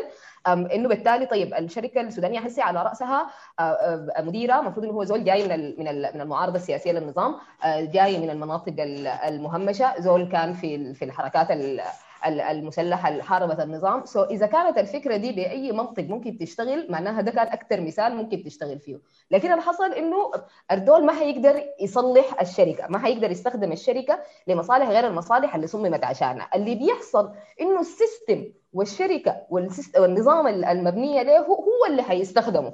هو اللي هيستخدم اردول وده اللي حاصل إحنا شايفينه هسه لأنه بقى هو عبارة عن ال ال ال ال, ال الأداء ال ال الوش اللي إحنا شايفينه اللي من خلاله بيتم ما زال قمع المطاردين الموجودين في مناطق التعدين من خلاله بيتم محاباة لشركات التعدين على على حساب الناس. وده اللي بيحصل عموما إنه أنت بتخش ال system ده ال system هو حيستخدمك للأسباب اللي صممت عشانه. الحل الوحيد هو عشان عشان تغير الوضع ده إنه ال system ده ينهار إنه النظام ده لازم يتحلى ويحل محله نظام ثاني عشان كده كان من أول الحاجات اللي اتكتبت في في شوارع القيادة على أرض شوارع القيادة هي إنه حل جهاز الأمن مطلب ثوري. وده حقيقة المطلب الثوري دائما إنه هو نحن نحل النظام القائم ونبني نظام ثوري في مكانه. ال ال ال الفكرة بتاعت الناس اللي تحافظ على النظام الحسي ما هو النظام الحسي ده مبني لمصالح معينة معناها انت لما تحافظ عليه بتحافظ على نفس المصالح. وده اللي بتعمله الأحزاب الإصلاحية. يعني سوء النية وحسن النية خليه جانبا. المنطق السليم العادي بيقول إنه الحاجة دي ما ممكن ما ممكن تتعمل. ما ممكن تستخدم النظام لغير ما صمم لأجله. ممكن تبني نظام جديد بإنك تحل النظام الموجود حسي حاليا. والحاجة دي بتعملها بإنه أنت تكون عندك القوة. وده اللي حصل مع مع مع, مع الثورة. صح إنه كان عندنا في لحظة ما القوة الكافية افترضنا إنه عندنا كنا شايفين إنه عندنا القوة الكافية إنه يتحلى جهاز الأمن إنه تحل يتم حل الأنظمة القائمة دي كلها اللي بتعمل علينا تقهر الناس. لكن الأحزاب الإصلاحية لأنها أحزاب إصلاحية ولأنها هي لو النظام ده اتغير ما حتقوم. يعني هي لما تكون هي عبارة عن أحزاب يعني راس المال الصناعي وراس المال الزراعي والنخبة التاريخية هي بالتالي حتعمل من أجل بقاء النظام اللي بيقدم راس المال الصناعي والزراعي والنخبة التاريخية. غير كده ما حتقعد الأحزاب دي يعني ما حيكون عندنا الأحزاب دي بأي حال من الأحوال. بيبقى بعد إنه إحنا حنتعامل معاهم كيف؟ هل نحن ممكن ندفعهم للأمام؟ يعني هل ممكن نحول الأحزاب الرجعية دي لأحزاب تقدمية؟ أه بتخيل إنه الحاجة دي عندها ليميتيشنز عندها عندها حدود لأنه في النهاية زي ما قلت هم عندهم مصالحهم التاريخية. هم في لحظات ما بيتفقوا معانا زي ما حصل يعني من من 25 ديسمبر لحد 13 أبريل إنه كانوا ماشيين معانا في نفس السكة. بيتفقوا معانا في لأنه في آه في آه أهداف حسي هم شايفين إنه ممكن برضه يستفيدوا منها. بصراحة يعني ما هو كانوا شايفين إنه يسقط النظام يجوا هم محل النظام. أول ما سقط أو تسقط السلطة رأس السلطة يجوا هم في حتته. أول ما سقط رأس السلطة أهدافنا اختلفت. بقوا عندهم هدف إنهم يتفاوضوا مع السلطة ونحن كان هدفنا إنه نواصل في العمل الثوري عشان نقدر نسقط النظام ده. وطبيعي إنه هم يكون هدفهم إنه يتفاوضوا مع السلطة لانهم ما عندهم في الحقيقة برامج لمنفعة الناس صح؟ يعني هيجي يقول لنا شنو؟ يعني ما هل ممكن يجي يستعينوا بدل ما يستعينوا بالجيش عشان الجيش هو اللي يعضد نظامهم وسلطتهم الجديدة هل ممكن يستعينوا بالجماهير؟ هل مثلا ممكن تجي يجي سلطة طارحة نظام تحرير اقتصادي تستعين بالجماهير كيف؟ هتقول للجماهير أجي في معاي ليه؟ أجي في معاي عشان أرفع منك الدعم وأجي في معاي عشان أشيل الثروة منك أو أديها للمستثمرين. ما حينفع. بالتالي النوع ده من الأحزاب دائما هي حتكون ماشية في اتجاه انها بس تعضد النظام زي ما هو لكن تكون هي الموجودة على رأسه بدل ما كان موجودين غيرها فبيبقى مرات مرات بنقول إنه طيب ليه ليه حزب ثوري؟ ما نحن كثوار أفراد ممكن نعمل الحاجة دي يعني وده وعملناها وإنه نحن عملنا عملنا ثورة وسقطنا البشير من غير الحوجة لأنه يكون في في الحزب الثوري بس الحقيقة إنه اللحظة اللي احتجنا فيها الحزب الثوري هي كانت اللحظة بتاعت ما بعد السقوط صح؟ اللي هي اللحظة بتاعت انه إحنا محتاجين جسم جمع المعارف الثورية وعنده التزام حقيقي. بأهداف الثورة عشان الجسم ده هو اللي يبني الحاجة الجديدة لما ما كان موجود موجود الأحزاب الإصلاحية اللي بتشبه الوضع القديم عملت على إنها تعضد الوضع القديم الجسم ده نحن ما زلنا محتاجين إنه هسي يعني هسي بتلقى إنه في عمل على أصعدة مختلفة. يعني يعني اوضحها مثلا لجان المقاومة في المؤسسات. يعني لجنة المقاومة في في وزارة المالية لجنة مقاومة قوية جدا. لجنة مقاومة كان عندها دورة في في قيام المؤتمر الاقتصادي نفسه وفي إجبار وزارة مالية البدوي على إنها توقف الميزانية بتاعتها اللي طرحتها في البداية وإنه تجبر على إنه يحصل شكل من أشكال التشاور الشعبي حوالينا مع إنه هم في النهاية عملوه صوري. وبقى صوري في رأيي لأنه ما كان في ضغط كافي لأنه هو يكون فيه فعل حقيقي، الضغط الكافي بيجي من إنه يكون في ربط ما بين ما بين ال ال النقاط المختلفة دي اللي هي مثلا لجنه مقاومة وزارة المالية، لجان المقاومه في في الشارع، لجان المقاومه في المؤسسات الثانية، عشان يحصل ربط بينها ما دي السياسة، صح؟ يعني مطلب مطلب في مجال معين ده مطلب، لما يجوا مطلبين لما تربطهم مع بعض يعني أنا عندي مطلب مثلا بتاع إنه شوارع حلتنا تتصلح. ده ده مطلب. ده, ده ممكن نعمل مجموعة لدعم موضوع إنه شوارع الحلة تتصلح. وعندي مطلب ثاني أو في ناس ثانية عندها مطلب ثاني عنده علاقة بزيادة مرتباتها. الحزب الثوري أو وجود يعني جهة جسم عنده وجهة سياسية واضحة هو اللي بيقدر يعمل الربط ده بتاع إنه السبب اللي بيخلي الشوارع ما تتصلح وإنه الناس الدايرة مرتباتها تزيد مرتباتها ما تزيد إنه والله في مشكلة بتاع التقسيم بتاع الموارد وفي مشكلة بتاعت أولويات وفي مشكلة بتاعت سياسة اقتصادية ويقدر يطرح وجهة سياسية. فحتى المعارف اللي إحنا بنراكمها حسي والعمل اللي إحنا بنراكمه حسي الطريقة الوحيدة إنه نحن نمشي به لقدام خطوات أحسن من كده هي إنه القيادة دي المفروض تتغير. إنه نحن المفروض يكون عندنا قيادة سياسية جاية من من من جسم سياسي ثوري حقيقة ملتزم بشكل حقيقي بأهداف الثورة. طيب طيب أنا في كمستمع لكلامك ده يا مزن ممكن أقوم أسألك السؤال التالي. أنت بتتكلمي وده مرتبط بأول سؤال نحن إنه الشعب منو والمصالح وأولوياته شنو؟ انت تقولي ان إحنا والثوريين ما الأحزاب دي برغم إنه هي أحزاب طيب نحن فاهمين مصالحها لكن الأحزاب دي عندها جماهير وعندها جماهير كثيرة جدا جدا والجماهير دي ممكن هي ذاتها تسأل تقول أنتوا ليه بأي حاجة؟ أنتوا عايزين تفرضوا حاجاتكم دي ونحن لا عاجبنا كده نحن قياداتنا دي كويسين معها. وبكرة لو حصلت انتخابات طبعا زي ما شفنا مرارا وتكرارا في السودان حنصوت لهم يعني. هو في الحقيقة المشاهد اللي شفناه من من يعني من التعامل مع الناس والتعامل مع الشارع إنه جماهير الأحزاب العضوية القواعد بتاعتها كانت برضه موجودة في الشارع وكانت بتطالب بتوجه أكثر ثورية من التوجه المساوم المشحسي الوضع اللي خلانا ك ك كناس قاعدين برا الأحزاب وكتار وأساسيين في في في في في العمل الجماهيري. كل كل الناس اللي طلع أي زول طلع شارع إنسان أساسي في العمل الجماهيري. لكن الناس دي كلها ما قدرت إنها تتجاوز التوجه بتاع القيادة السياسية. هو ده نفس الوضع اللي بيخلي القواعد نفس السبب اللي بيخلي قواعد الأحزاب دي ما قادرة إنها تدي يعني إنه راية يكون عندها عنده تأثير في توجهات القيادة. ودي حاجة يعني الحاجة دي من زمان شديد صح؟ إنه بيكون حزب الأمة خش تفاوض ولا اتفاق ولا مساومة مع مع البشير بينما جماهير حزب الأمة في الشارع مع مع باقي الناس وبتتفاجئ بأنه قيادتها توجهت توجه ثاني وبتلقى روحها بعد ذاك في إنه هل هل تبرر للقيادة ولا تعمل غيره؟ ما بس حزب الأمة الحزب الشيوعي السوداني جماهيره كانت في الشارع بينما هم كانوا كقيادة تاريخية بيقعدوا في بشكل بي بي بي بيمشوا للتفاوض ولا بيمشوا لغيره وما في استماع من القيادة دي نفسها. النقطة ما إنه نحن ما دايرين مع مع قواعد الأحزاب دي. النقطة إنه قواعد الأحزاب دي نفسها دي بذات ما بتمثلها وده الحقيقي الحاصل اللي إحنا شايفينه.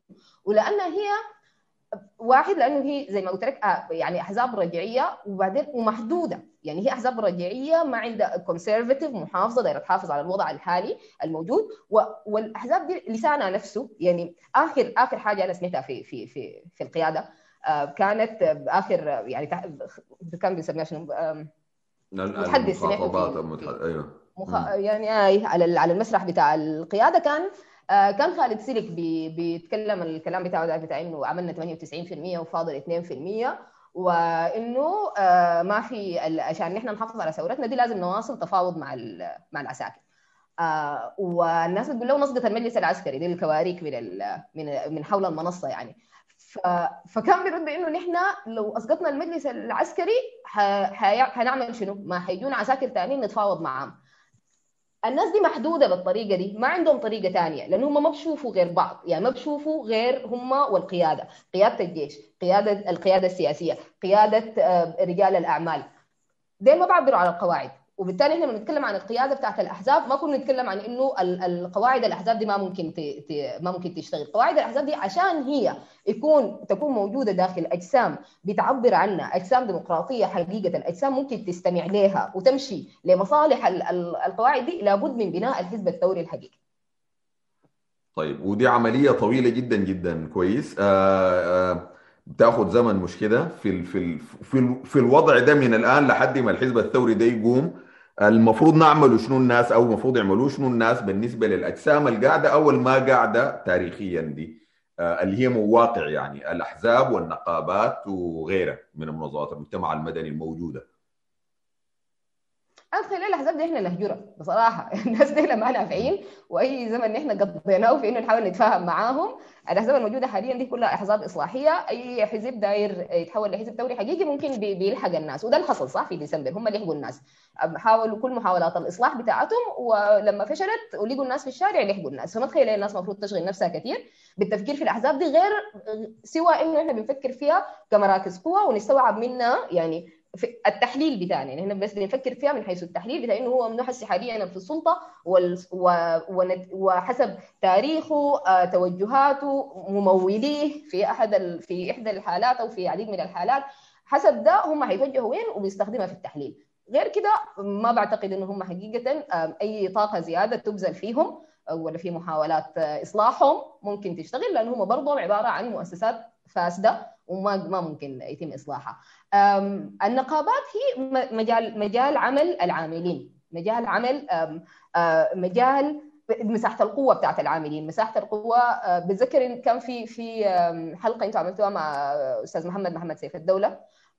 وهو وهو تكلم عن بتفاصيل كثير يعني بتفاصيل جيد كويسة شديدة عن عن عن موضوع النقابات. وهو دائما بيستخدم كان عبارة بتاعت الأجراء. إنه الأجراء الناس اللي بنعمل بأجر مساحة قوتنا الوحيدة هي النقابات دي. لأنه محتاجين إنه نكون سوا. وما عندنا قوة غير قوة عملنا المشترك عشان إحنا نسحبها من الدولة نديها للدولة آه، نديها للحتة اللي إحنا دايرين نديها لها عشان آه، تحقق لنا المطالب اللي عايزينها.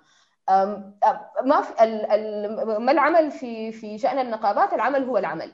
آه، الناس تعمل على بناء النقابات الناس تنضم لنقاباتها والحل ما سهلة. يعني ما سهله لأنه إحنا ما مارسناه لنا فترة طويلة لأنه طبيعة العديد من أشكال العمل بقت يعني مقسمة ومفتتة بشكل بيخلي من الصعب إنه يتم تجميع العاملين.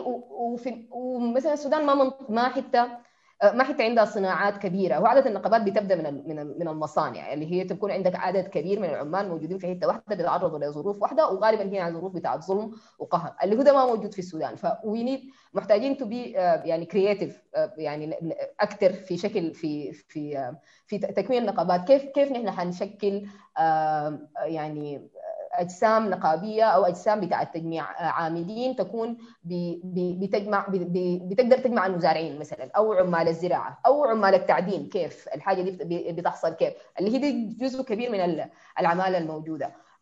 والعمل نحو النقابات فيه فيه حاجات كثير أو العمل نحو إنه يكون في نقابة ممثلة حقيقة للعمال فيها فيها يعني فيها نقاط كثير نحن ممكن نتطرق لها.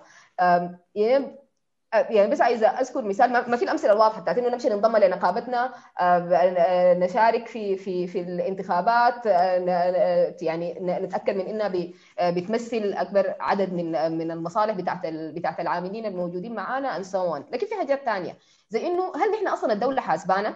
يعني أنا تذكرت هسي مثلا التعداد آخر تعداد عندنا آه، فيه ال ال ال العاملين في في السودان بالمجالات اللي هو الصناعة الزراعة الخدمات. فبتلقاه كاتب إنه مثلا الصناعة فيها مقسمينهم بتذكر ذكور وإناث. so الذكور في الصناعة نسبتهم كده في المية في الزراعة كده في المية في الخدمات كده في المية وفي other يعني أخرى 2% جو بعد ذاك للنسوان. النسوان في الصناعة كده في المية في الزراعة كده في المية في الخدمات كده في المية أخرى 25% 25% دي ما أخرى. دي, دي ربع القوى العاملة النسوان اللي في السودان. ده بوريك إنه هي الدولة دي لما عملت تعداد ده ما كانت بتعين للنسوان. صح؟ لأنه ما مهمين. ما مهمين كناس. مع إنها هي بتاخذ الثروه بتاعت بتاع المردود بتاع عملهم. وهي عايشة على المردود بتاع عمل المزارعات والنسوان العاملات في الري لكن في نفس الوقت ما مستعدة تشوفهم. عشان يكون في تمثيل حقيقي للعاملين والدولة محتاج لازم الدولة تشوفهم لازم نجبر الدولة إنها تشوفهم. معناه لازم نتأكد إنه ال data الموجودة مثلا التعداد اللي حيتعمل هو تعداد بيسأل الأسئلة الصح وبقسم ال data صح وبيديها لنا صح. أنا ذكرت المثال ده بس عشان دايره أقول إنه بعض الحاجات ما كلها مباشرة يعني ما كلها عبارة عن العمل المباشر في النقابة. هي إنه يكون قاعد دائما في في في خلفية تفكيرنا إنه العمل بيتعمل عشان شنو؟ لو كان في خلفية تفكير من أعد التعداد السابق إنه الهدف منه إنه يكون عندنا قراءة حقيقية للمواطنين بحيث إنه نقدم لهم خدمات حقيقية ما حيكون 25% من النسوان في أخرى. لأنه خمس أخرى دي حتقدم لربع القوى العاملة النسائية خدمات كيف وإنت ما عارفهم قاعدين وين. لكن هو ده ما كان الهدف منه. فدي الحاجة الأساسية تخيل لي ما إنه بالإضافة لإنه اي في الحياة المباشرة انضمام للنقابة والعمل على إنه يكون في قانون نقابات بيدي مساحة بيدي يعني مساحه لتمثيل حقيقي مش تمثيل مركزي ويحول النقابة ثاني لنقابة منشأة بس بمسمى ثاني اللي هو يعني يبدو إنه دي واحدة من المقترحات الماشيه دي كلها حاجات مباشرة عايزين نعملها. الأساسي ذو إنه في أي توجه هنا بنتوجهه نكون people centered و people بالنسبة لنا يكونوا قاعد ياتوا ناس. بالضبط. يعني أنا كررت الحاجة دي كثير أنا عارفة لكن هو بجد ما في إجابة ثانية هي دي الإجابة دائما إنه أنت يعني السياسة اللي أنت ماشي فيها تتأكد إنها هي قاعد تخدم الناس اللي قاعدين تحت هم الأكثرية. ما تخيل لي في حاجة ثانية تمام. كويس. طيب كده معناها بقى أنا متخيل الإجابة بتاعتك على السؤال اللي بعد كده لكن برضو لازم أسأل يعني. رأيك في كان جزء برضه من حاجات الاتفاق ومن المطالب بتاعت الثورة إعادة هيكلة الأجهزة العسكرية والأمنية والمختلفه والقوات النظامية المختلفة. يعني طبعا واحد الناس بيقول القوات النظامية عشان يطلعوا من الحرج بتاع إنه أنت تسمي حاجة زي قوات الدعم السريع مثلا. آه لكن دي منها و... وإنه تكوين جيش قومي موحد وطني موحد وذا عقيدة واحدة وشنو و... وقوات الشرطة وجهاز الأمن وفي حس فكرة الأمن الداخلي وكده رأيك في في في المطلب ده؟ وإذا ممكن إذا كانت فيه مشاكل فالناس ممكن تناضل عشان يبقى الشكل المطالب الصح شنو؟ هو المطلب ده طبعا هو هو براه مشكلة. يعني هو براه كده دي كانت مشكلة. ثاني بعد ذاك لو تتذكر الوثيقه الدستورية كان الإصلاح بتاع المؤسسة العسكرية حتقوم به المؤسسة العسكرية. اللي هي دي كانت حاجة أقرب للنكته يعني من اي حاجة ثانية لأنه هي المؤسسة العسكرية لو عايز تصلح روحها كان صلحت روحها. زمان ما, ما يعني قيادة المؤسسة العسكرية ما كان في حاجة ماسكاها هم كانوا ماسكين البلد. آه والحاجة دي ما حصلت. الحقيقة إنه نحن ما بس ما حصل آه يعني إصلاح للمؤسسة الإصلاح. للمؤسسة العسكرية حسي. أنا حقيقة لي فترة طويلة بفتش إنه نحن بعد الاستقلال عملنا شنو للجيش. ولحد هسه ما لقيت حاجة. يبدو ان إحنا شلنا جيش الاستعمار زي ما هو.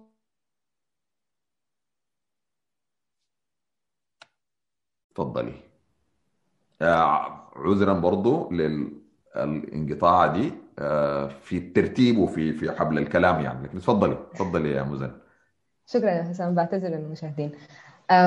كنت تقريبا بديت بتكلم عن إنه واحدة من الحاجات اللي أنا كنت انترستد إني ألقاها يعني عشان افهمها كنت عايز أفهم إنه نحن في السودان ده الجيش السوداني بعد بعد ال بعد الاستقلال حصل له شنو؟ يعني عملنا عملنا شنو؟ تم إصلاحه كيف؟ المخيف بالنسبة لي إنه لحد هسي ما لقيت أي حاجة يعني ما لقيت أي حاجة بتدل على إنه حصلت عملية بتاعت إصلاح ولا إعادة هيكلة للجيش يبدو إنه نحن بيزيكلي نفس يعني أخذنا نفس الجيش وغيرنا اسمه تغير اسمه من قوة دفاع السودان للقوات المسلحة ما متذكر أول اسم يتسمى به شنو وافترضنا إنه لو اتغيرت اتغير الاسم حيتغير الأداء بتاعه أو التوجه بتاعه أو طريقته. وشايفين انه الحاجة دي ما حصلت حقيقة. وتخيلي قبل في واحد من الأسئلة كان كان ذكرت إنه الجيش بنشوفه في في المظاهرات بيجي بيحمي البنوك ومحطات البنزين. اللي هو ده يعني ده ده ما تصرف بتاع بتاع قوة جاية عشان تحمي الناس. هذا تصرف بتاع قوة جاية تحمي الثروة والمؤسسات بتاعت الدولة ومراكز الثروة بتاعتها تحميها من الناس. واللي ده أكبر أقرب لتصرفات جيش الاستعمار من إنه تصرفات ما يسمى بالجيش الوطني. والحاجة اللي إحنا كررناه يعني هسه إحنا بنكرر في نفس الفكرة إنه لو شلنا من جهاز الأمن اليافطه اللي مكتوب فيها جهاز الأمن وخدينا يافطه مكتوب فيها المخابرات العامة حيبقى حاجة جديدة. ما حيحصل ما بالطريقة دي ما بيحصل. لو شلنا من الجنجويد اليافطه المكتوب فيها جنجويد وكتبنا دعم سريع ولا حرس الحدود ولا وات الاسم اللي حيخترعوه بعد ذاك حيبقى حيبقى حاجة مختلفة. ما حيحصل. هي ما زال نفس المؤسسة بنفس بنفس العقيدة ومواصلة فيها ودي حاجة إحنا شايفينها في الواقع. يعني ما محتاجين نظريات عشان نعرف منها إنه ال ال إنه لو ما تم إعادة هيكلة المؤسسة المعينة حتواصل بنفس الطريقة اللي بنت بها آه، من البداية. إعادة هيكلتها أو بمعنى صح هو حل. يعني هي لازم تحل تماما ويبنى غيرها. ما في ما في ما ما ممكن تعمل بطريقة ثانية. ما ممكن نتعامل معاها بأي طريقة آه، مختلفة. وحلا طبعا في يعني في في في ناس أو في جهات بتصور رفض المؤسسة العسكرية أو كل المؤسسات اللي هي عبارة عن أدوات عنف الدولة وعنف الحكومة تجاهنا دي رفضنا لها بأنه هو إنه أنت بترفض كم ما عارفة 100000 900 جندي. ودي ما حقيقة. لأنه لما لما نرفض التصرفات بتاعت بتاعت يعني رأس المال ده معنا بنرفض في كل العمال الموجودين يعني في في كل المصانع في السودان. ولا في زول بيفكر بالطريقة دي. الطريقة دي بتاعت التفكير أصلا جات من من فكرة فكرة غريبة بتضع إنه الجيش كله كمكون هو حاجة واحدة آه، بينما كل المدنيين حاجة ثانية وبيضعهم في مقابل بعض. في ساحه الاعتصام نحن شفنا إنه ده ما حاصل إنه نحن في حاجات بتربطنا بالجنود الموجودين في الجيش ده نفسه صغار الضباط والجنود الموجودين ديلا قادرين بيعيشوا معنا مشاكل مشابهة لمشاكلنا ومشاكل أكبر نتيجة لأنه هم موجودين جوا المؤسسة دي وما عندهم مساحة آه، يعني حتى مساحتهم للاعتراض أقل من المساحة المتوفرة للمدنيين العاديين. أنا عايزة أحكي قصة آه، دي حاجة حصلت في في في الإعتصام في أول أيام الكلام ده قبل بعد السقوط طوالي كده وأيام الناس كانت بتتكلم عن آه، يجي آه، برهان يجي آه، كان الاسم الثاني عبد المعروف.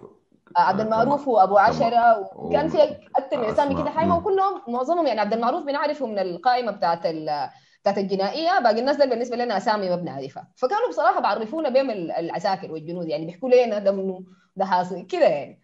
فكانت حاجة غريبة شديد إنه واحد من العساكر قاعدين قاعدين حارسين واحدة من مبوابات الاعتصام. واحد من العساكر بيحكي هو شايف إنه برهان زول كويس والناس ممكن تختاره. و... وإنه ده الزول اللي حيحافظ على الثورة. وتبريره للحاجة دي كان إنه برهان ده فاوض لنا في القروش بتاعت اليمن. يعني بيزكلي قال إنه الزول ده جاب لهم 50000 زيادة في الرأس.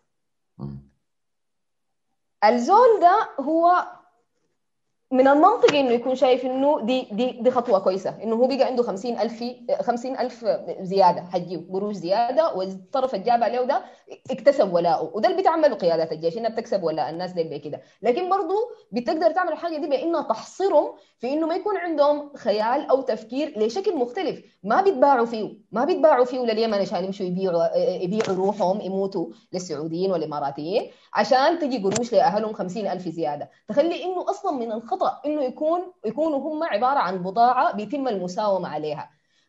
المفروض يحصل إنه نقدر نتواصل مع ديلا مع مع مع الجنود ومع صغار الضباط اللي موجودين معانا زينا زيهم في في أسفل الهرم بتاع بتاع الدولة السودانية. دي في قيادات مدنية وقيادات عسكرية قاعدة فوق بتطلع زيتنا نحن كلنا. فمن المنطقي إنه نحن كلنا نشتغل مع بعض.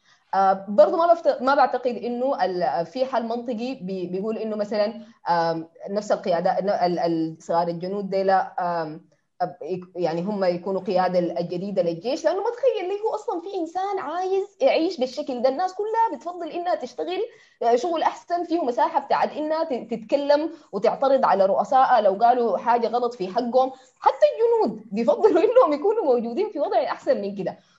فيبقى ما في حل غير إنه يتم حل المؤسسات دي وتبنى واحدة غيرها. ونحن ما حنكون بنعمل في حاجة جديدة تخيلي؟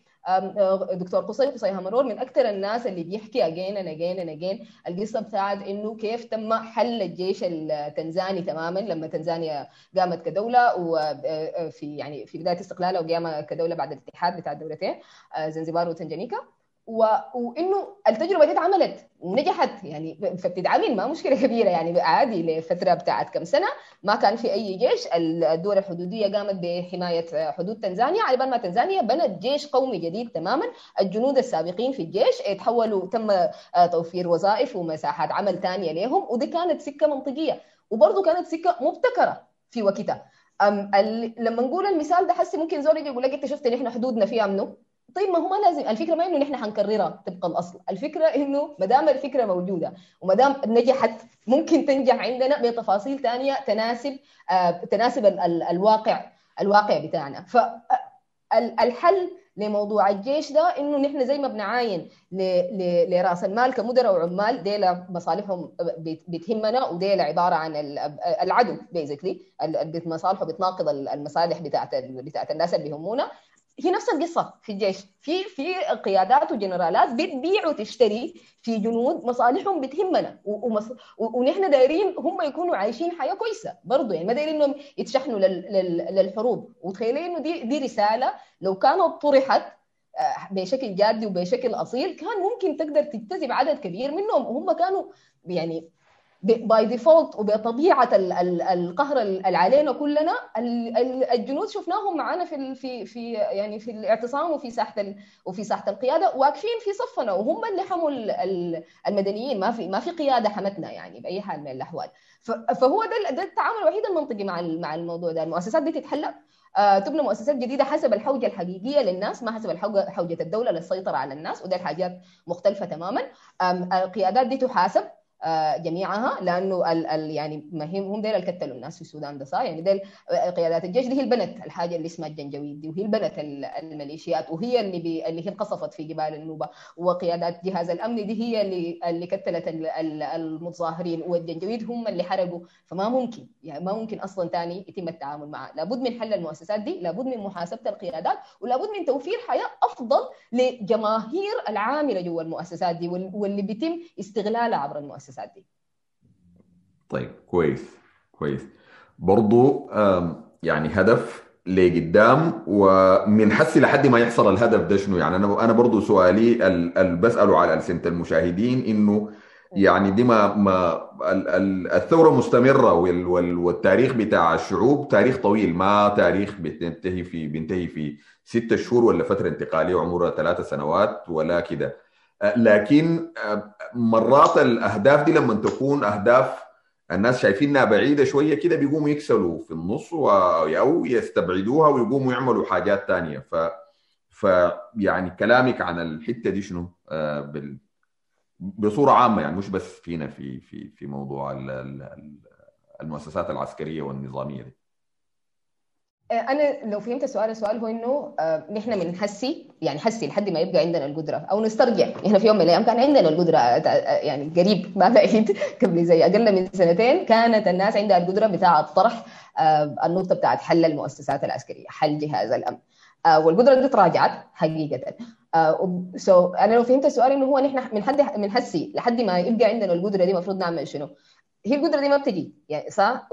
يعني ما بتجي ساي. هي بتتعمل من حس لحد ما يبقى عندنا القدرة بنراكم القدرة. ده, ده كله إحنا بنعمل بنراكم القدرة دي يعني يعني بنبني تنظيمات ثوريه يعني بي بي بي بي بننشر تخيل لوضع ما يضطر الجنود دي لأنه يكونوا موجودين داخل داخل المؤسسة دي. بننشر تخيل لوضع ما ما ما فيه الدولة موجود بتضطر إنها تستخدم أدوات عنف تجاه مواطنينها نفسهم في حالة إنه هم بيقدموا في مطالب سلمية. بتنشر التخيل وبتعمل عشانه. أتمنى لو كنت بقدر أقدم إجابة محددة أكثر من كده لكن هي ما في إجابة محددة.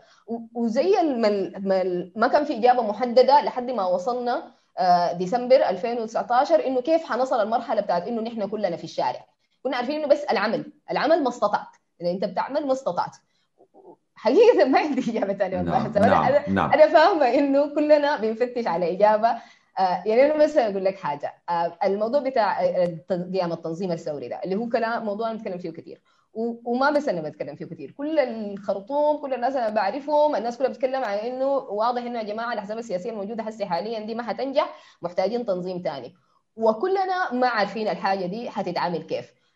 لكن خلي الكلام ده ذاته جزء من العمل ده. يعني هي بتتضح ذاتها بالكلام ده وما بس كلام سا يعني هو كلام والكلام مع مع مع أصحاب الحق ومع كلام مع الناس اللي إحنا شايفين إنه الأحزاب دي كنيستهم ما شايفاهم معناها هم المفروض يكونوا موجودين في في الحوار ده. هو ده العمل. يعني ده انت بتعمل وبتصل الناس وبتتكلم وبتتخيل وبتنظر وبتنتقد مرات بننتقد الوضع الموجود وما بكون عندنا وضع مختلف. لكن ما هوش انت تصل للوضع المختلف بيبدأ كيف؟ بإنه تشوف الأخطاء وين في الوضع ده. مشكلتنا شنو مع الوضع ده؟ مشكلتنا إنه فيه كده وكده وكده وكده. بعد ذاك نبدأ نتخيل ونفكر وننظر بشكل منطقي لوضع مختلف. ما في ما في حاجة ثانية ممكن الناس من خلالها تغير العالم. لكن طيب شكرا. حنغيره إن شاء الله. شكرا. مزن آخر محور ونحن داخلين على نهاية الحلقة الجزء الثاني من الحوار ده. العلاقات الخارجية والوضع يعني تأثيرها على الوضع في السودان أو تأثر السودان عليها. يعني بالذات بعد ال... بعد الثورة يعني وباتضاح الحاجات لحد الليلة يعني. هو يعني الحكومة والسلطة الموجودة هسه حاليا دي بتكرر كثير يعني الموضوع ده على يعني على لسان عدد من اعضائها وافرادها إنه علاقات السودان الدولية حتكون مبنية على مصلحة السودان. هاويفر في الحقيقة نحن النتائج بتاعت العلاقات والتواصل الحاصل يعني بين الحكومة وبين الحكومات الأخرى دي بيخلينا نتساءل ثاني انهم بيتكلموا عن ياتو السودان يعني عن مصلحة منو بالضبط. لما لما نلقى إنه الزيارة مثلا بتاعت بتاعت حمدوك لألمانيا النتيجة المباشرة جات بعدها طوالي كان إنه كان في في دعم بتاع في المجال العسكري صح؟ أسلحة ألمانية اتباعت للسودان. وتعاون في قالوا تعاون في ملف الهجرة، اللي هي تعاون في ملف الهجرة دي؟ لما يقولها بلد أوروبي وثاني أفريقي معناه البلد الأوروبي داير يرجع اللاجئين الأفريقيين لنفس الوضع الضنك اللي هم طلعوا منهم لأنه البلد الأوروبي ما قادر يستحمل 50 ألف زول جديد صعب شديد يعني على إنهم يستحملوا الحاجة دي من ثرواتهم اللي هم أصلا سرقوها من قارتنا. لكن ما مشكلة ده الحصل اللي حصل يعني ده اللي إحنا شايفينه قدامنا. التطبيع التطبيع مع الاحتلال الصهيوني النتيجة المباشرة برضه كانت إنه إعادة اللاجئين السودانيين. فهو السودان استفاد شنو؟ أو إن إحنا كسودانيين وين المصلحة اللي هم بيتكلموا عنها دي؟ اللي اللي بيبنوا العلاقات دي عشانها واللي بيتجاوزوا الأخلاق والمبادئ وحتى يعني حتى حتى شعارات الثورة البسيطة بتاعت حرية سلام وعدالة بيبنوا علاقات مع مع كيان مص... يعني كيان احتلال صهيوني. لا لا لا, لا فيه حرية لا فيه سلام لا فيه عدالة. لكن قالوا دي المصلحة بتحتاج كده. وما شفنا المصلحة دي. ما ولا حتى السودانيين الموجودين برا في في في يعني في في الدول دي ذاتها. يعني الحكومة دي ماشية جاية على الإمارات كل يومين ثلاثة. الحاجة دي ما حمت السودانيين اللي استغلتهم الإمارات وخطفتهم لحد ما لقوا روحهم مرتزقة في كانوا حيلقوا روحهم مرتزقة في ليبيا زي ما حصل السنة اللي فاتت. ما ما حمتهم ولا ساعدتهم. فالواقع أظهر لنا إنه الفكرة بتاعت العلاقات المبنية على المصلحة دي هي زائفة ما حقيقية على المدى القصير على الأقل إحنا ما شفنا إنه جات مصلحة للسودانيين نتيجة للعلاقات دي.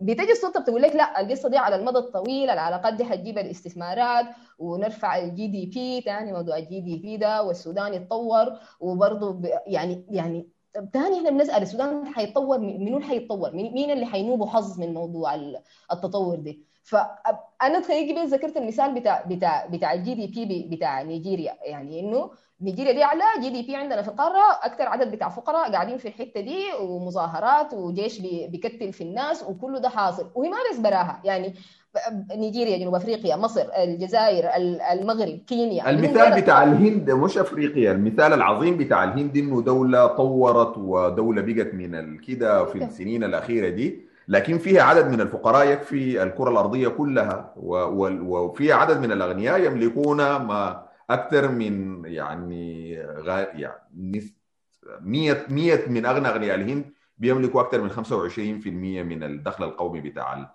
مليار و200 ولا مليار و300 بني آدم مليون بني آدم. ف... يس يس. وبتلقى إنه ال- الاستثمارات اللي بتجي دي والاستس- وال- والاستثمارات الرافعه ال GDP دي ما كان عندها أي انعكاس إيجابي في في زي ما أنت قلت في حياة الناس الأغلبية ال- الأفقر دي. هم بس زادوا زادوا فقر. ما استفادوا أي حاجة من السياسات دي وبيستفيدوا منها هم زي ما أنت قلت الأغنياء. هي طبقة غير عاملة وغير منتجة ما عندها أي دور غير إنها تعيش على عمل غيرها وإنها تكدس الثروات من عمل الناس الثانيين لأنه إنت لو عايز تعمل استثمار عنده أثر إيجابي على على الناس الافقر آه، لازم يدار بسياسات أصلا موضوعة وخاطة مصالح الناس دي اولا. وأونستلي يعني ب- بش- في الحقيقة من تقريبا يعني من ذكرناه لحد هسي في أمثلة كافية إنه نحن ما شايفين في في توجهات السلطة دي ما يدل على إنها يعني خاطة يعني مصالح ال- مصالح ال- الناس اولا بأي حال من الأحوال. وأنا عايز أذكر أول داير أذكر مثال ثاني بتذكر أول ما جه حمدوك هو جه شهر 9 2019 فبدايات 10 كان عنده اجتماع مع الراجحي. الاجتماع بتاعه مع الراجحي اللي هو المستثمر بتاع بتاع مشروع الراجحي ده الاجتماع ده جاء مباشرة بعد آه، اعتصام مدينة الجولد اللي هي المدينة اعتصمت لأنها رافضة مشروع الراجحي ورافضة القرار بتاع 2011 بتاع البشير اللي ملك به المدينة كلها لمشروع الراجحي. يعني مل أراضيهم كلها تملكت للمشروع ده. هم كانوا طالعين قاعدين في اعتصام قاعدين في في في في في, في أراضي المشروع اللي هي أراضيهم عاملين اعتصام لأنه افتكروا إنه جات الحكومة الجديدة وجات حكومتهم وحتنصفهم اقتصاديا وحتنصفهم بشكل عادل.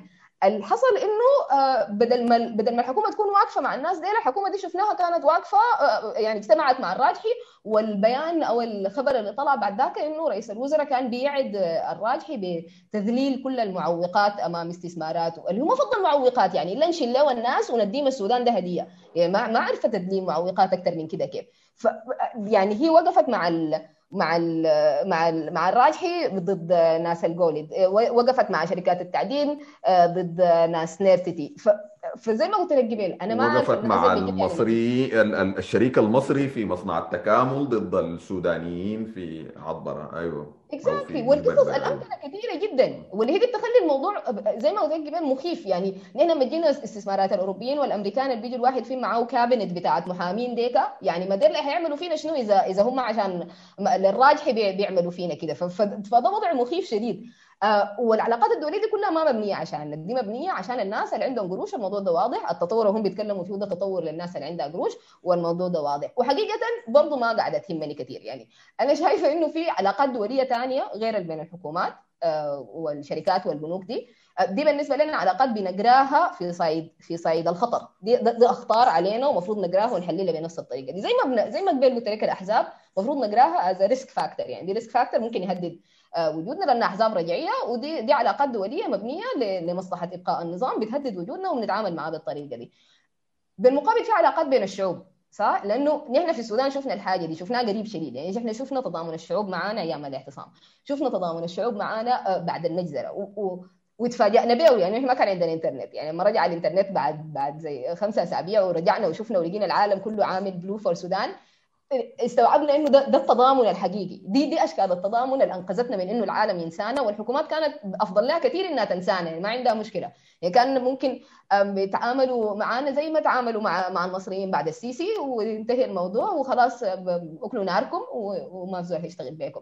وجود الأدوات بتاعة الكوميونيكيشن وبتاعة التواصل واهتمام الناس والتضامن اللي حصل من الناس هو اللي خلى نحن الناس متذكرانا ودي أشكال التضامن نحن يعني كثوريين حول العالم مفروض مفروض إنه نحن نقدر نعملها. ابتداء من إنه نحن كسودانيين نتضامن مع اللاجئين الموجودين جوا السودان اللي هي السلطة الحالية مصرة إنها تستمر في نفس المسار بتاع سابقتها إنها هي تنغص عليهم حياتهم ما دايرة تديم حق العمل ما دايرة تديم حق الحركة حتى الاعتصام بتاعهم اللي اتعمل عشان يطالبوا بحقوقهم اتفضى بواسطة البوليس قدام ال UNHCR قدام مفوضية الأمم المتحدة للاجئين اتفضى الاعتصام اللي هم سموه إنه تم نقله لمكان آمن. أنا ما فاهمة يعني كيف بتنقل اعتصام ما هو اعتصام قاعد في الحتة دي عشان يوجه رسالة للحتة دي. فالحاجة دي دي حاجة حصلت عادي في السودان. يعني ولا ولا حصل حاجة ولا في زول يعني يعني قلة اللي دق الجرس حقيقة. ف فده يعني واضح جدا إنه السلطة ما عندها أي التزام تجاه أي حقوق إنسان ولا ال UNHCR عندها أي التزام تجاه أي مبادئ حقيقية. المبادئ الحقيقية نحن شفناها عند الناس شفناها عند الشعوب اللي وقفت معانا في أي حتة شفناها عند ال... ال... ال... الكينيين اللي اللي عملوا حداد بعد بعد المجزرة عملوا عملوا حداد الناس اجتمعت وولعت شموع بعد المجزرة والعالم كله معترف بالمجزرة والعالم كله بيتكلم عن إنه الحاصل في السودان ده كعب. الحكومة الكونية الكينية ضربتهم بومبان. لكن الحكومة الكينية هي اللي تعزمت سفيرتها ولا وزيرة خارجيتها لتوقيع الوثيقة. لأنه دي وثيقة ديكا دي وثيقة الحكومات. نحن كشعوب محتاجين إنه نلقى طريقة ثانية نتضامن بها ونصنع نحن علاقاتنا الدوليه لأنه الدرس اللي نحن أخذناه من السنتين اللي فاتت ومن ال من ال ومن الحصل اول ما بدأ يبقى في تدخل خارجي و... وتفاوض ووسيط خارجي. شفناه إنه تضامن الشعوب أنقذنا وإنه تدخلات الحكومات هي الغتست حجرنا وإنه يعني من التفاوض لحد لحد حسي السياسات الاقتصادية الفاشل الداعمة الاتحاد الأوروبي وداعمين الأمريكان دي هذه سياسات الحكومات دي العلاقات الدولية بتاعتهم. والنظام إذا هو نظام عالمي بيدعم بشكل عالمي من حكومات عالمية يبقى الثورة اللي حتصدته لازم تكون ثورة عالمية بتقوم بها الشعوب عبر الحدود بشكل عالمي. دي دي أدوات جديدة محتاجين نطورها بشكل جادي. يعني بشكل جادي بقول إنه الموجة الثورية الجاية لو ما فيها إضرابات عابرة للحدود ما بتمشي قدام. ما في أي سكة. ما دام القهر عابر للحدود وما دام السلاح بيجي عابر للحدود عشان يضرب الناس يبقى الثورة لازم تكون برضه عابرة للحدود. وتخلي دي العلاقات الدولية إحنا المفروض نركز معها علاقاتهم دي أبسط نقد بهدة وأبسط انتظار خمسة دقائق لأنه هم دائما طبعا بيدوك يعني ديدلاينز قريبه شديد يقول لك بعد خمسة شهور الحياة حتبقى حلوة. يعني الموضوع ما صعب صعب. بعد خمسة شهور بنبدا الحياة ما بقت حلوة ويا ريتني ما نصدقهم في القصة دي. فالقصة دي بقت واضحة وشايفة إنه الناس تاخذ طاقتها في إنه تبني جباه بتاعت مقاومة عابره للحدود ده, ده الحل الوحيد اللي إحنا ممكن نتعامل به ولأنه حاجة ثانية بصراحة إحنا بقينا بنقمع بشركات صح؟ ما بس بحكومات. يعني بقت في شركات أكبر من الحكومات عندها مصالح أكبر من الحكومات بيهمها بقاء النظام لأنه لأنه هي محتاجة إنها تأخذ الثروات دي. والشركات دي موجودة في العالم كله. هي شركات عابرة للحدود عندها عمالة في العالم كله بالتالي بتمارس في ظلم في العالم كله بتاخذ في حقوق مجتمعات محلية في العالم كله. يبقى في مساحة بتاعت إنه نشوف مصلحتنا المشتركة في إنه نوحد الشغل ضد العدو المشترك اللي هو اسمه النظام العالمي دي. فالنظام عالمي بيسقط بثوره عالمية يعني ما ما في حد. إن شاء الله. طيب مزن كده وصلنا لختام الحوار ده. أنا متأكد إنه حيفتح أسئلة كثيرة وان شاء الله يكون يعني الناس يكونوا شافوا فيه حاجة مختلفة وتدعوهم وتحفزهم على إنه ينظروا للأمور بصورة مختلفة. إذا عندك أي حاجة أخيرة عايزة تقوليها اتفضلي. أنا عايزة أعتذر حقيقة بس أول حاجة على كمية الانقطاعات اللي حصلت دي. ما الاعتذار ما منك الاعتذار من الكهرباء والاعتذار من الشركة اللي مدياكم الإنترنت وده السودان يعني ما في سبب يعني. شكرا لك ما في سبب للاعتذار. أنا أنا سعيدة إنه أنا أنا قلت الكلام ده. وبصراحة أنا زي ما قلت لك في في البداية كنت كنت متخوفة حاسة إنه أنا ما عندي الإجابات كاملة وأنا ما قدمت إجابات كاملة. لكن بعد ما تقولها بتحس إنه ما مشكلة كبيرة يعني ما مشكلة كبيرة إنه نقول الأسئلة ونقول الإجابات اللي عندنا لها نص خيال لأنه هي ما في ما في زول واحد عبقري حيلقى الحل. يعني الحل في إنه الناس تقول الحاجات وتبني مع بعض. وأتمنى إنه ده اللي يحصل. يعني انه إنه الناس ت point out الأخطاء في الحاجة دي وين. أو الحاجة دي ممكن الكلام اللي اتقال ده ممكن ينفع وين. أو ممكن يشتغل وين. أو محتاج يحصل فيه تغيير وين. عشان عشان يبقى بيشابه واقعهم. أو لو أو لو ذكرت معلومات ما بتشبه واقع الناس دي أول حاجة أنا عايزة أعتذر عنها. إنه قدرتنا على إنه نعرف بعض في السودان محدودة شديد. وقدر ما يعني بتحاول تاخذ جهدك إنك تفهم كل التفاصيل كمية المقاومة الخدتيها السيستم بتاع الدولة لأنه ما نتلاقى وما نتكلم وما نعرف مشاكل بعض حقيقة ما ما سهلة. آه فالحاجة الوحيدة اللي ممكن تحل الحاجة دي إنه نتكلم أكثر وأتمنى إنه أسمع رأي أي زول في, الكلام اللي اتقال إن شاء الله. مزن انت عندك بلوجز قاعدة تكتبيها وعندك مساهمات قاعدة تكتبي فيه يعني غير عندك موقع بتكتبي فيه وعندك حاجات بتنشريها في حتات كثيرة. وعندك مساهمات في برضو الندوات وحاجات زي دي قاعدة تقوليها في كلامك عن ال يعني الإشارة بتاعت إنه ما قاعدين نتكلم مع بعض دي أنا ذكرتني حاجة. من زمان كنت قاعد أقولها لكن وما عارف قلتها قبل كده في البرنامج ولا لا. إنه أنا بتذكر تماما إنه في بدايات ظهور أزمة دارفور على المستوى العالمي. لما الناس بيجوا يعرفوا دارفور بعد 2003 آه العالم يا دوب بدأ يتكلم عن مشكلة دارفور. أنا بتذكر إنه تلفزيون السودان عدد من المذيعين اليوميا بيقولوا دارفور في الأخبار بيجوا بينطقوا كلمة دارفور بالطريقة اللي بتنطقها بها القنوات الدولية. والله العظيم. دارفور. أنا بتذكر أنا في راسي بتذكر المذيعين دي المذيعين محترمين في قناة تلفزيون مش نيرتي اللي انت حسي ما عارفها دي الناس بيجوا بينطقوا دارفور دارفور. زي ما بتنطق ال CNN وقناة العربية و و, و... والبي بي سي وكده. للسودانيين. نعم. ف أيوه يعني فنحن هو دي, دي المؤسسات وهي عارفة بتخاطب منو عايزة تتكلم مع منو عايزة تخدم منو. آه المهندسة مزن النيل آه ناشطة سياسية ومدونة. آه شكرا جزيلا على الحوار الممتع معاك ده وإن شاء الله لقدام نلتقيك في حاجات أخرى. والسيدات والسادة المشاهدين والمشاهدات الأعزاء آه شكرا جزيلا ونلتقيكم في حلقات قادمة من برنامج وإن طال السفر. والسلام عليكم ورحمة الله تعالى وبركاته.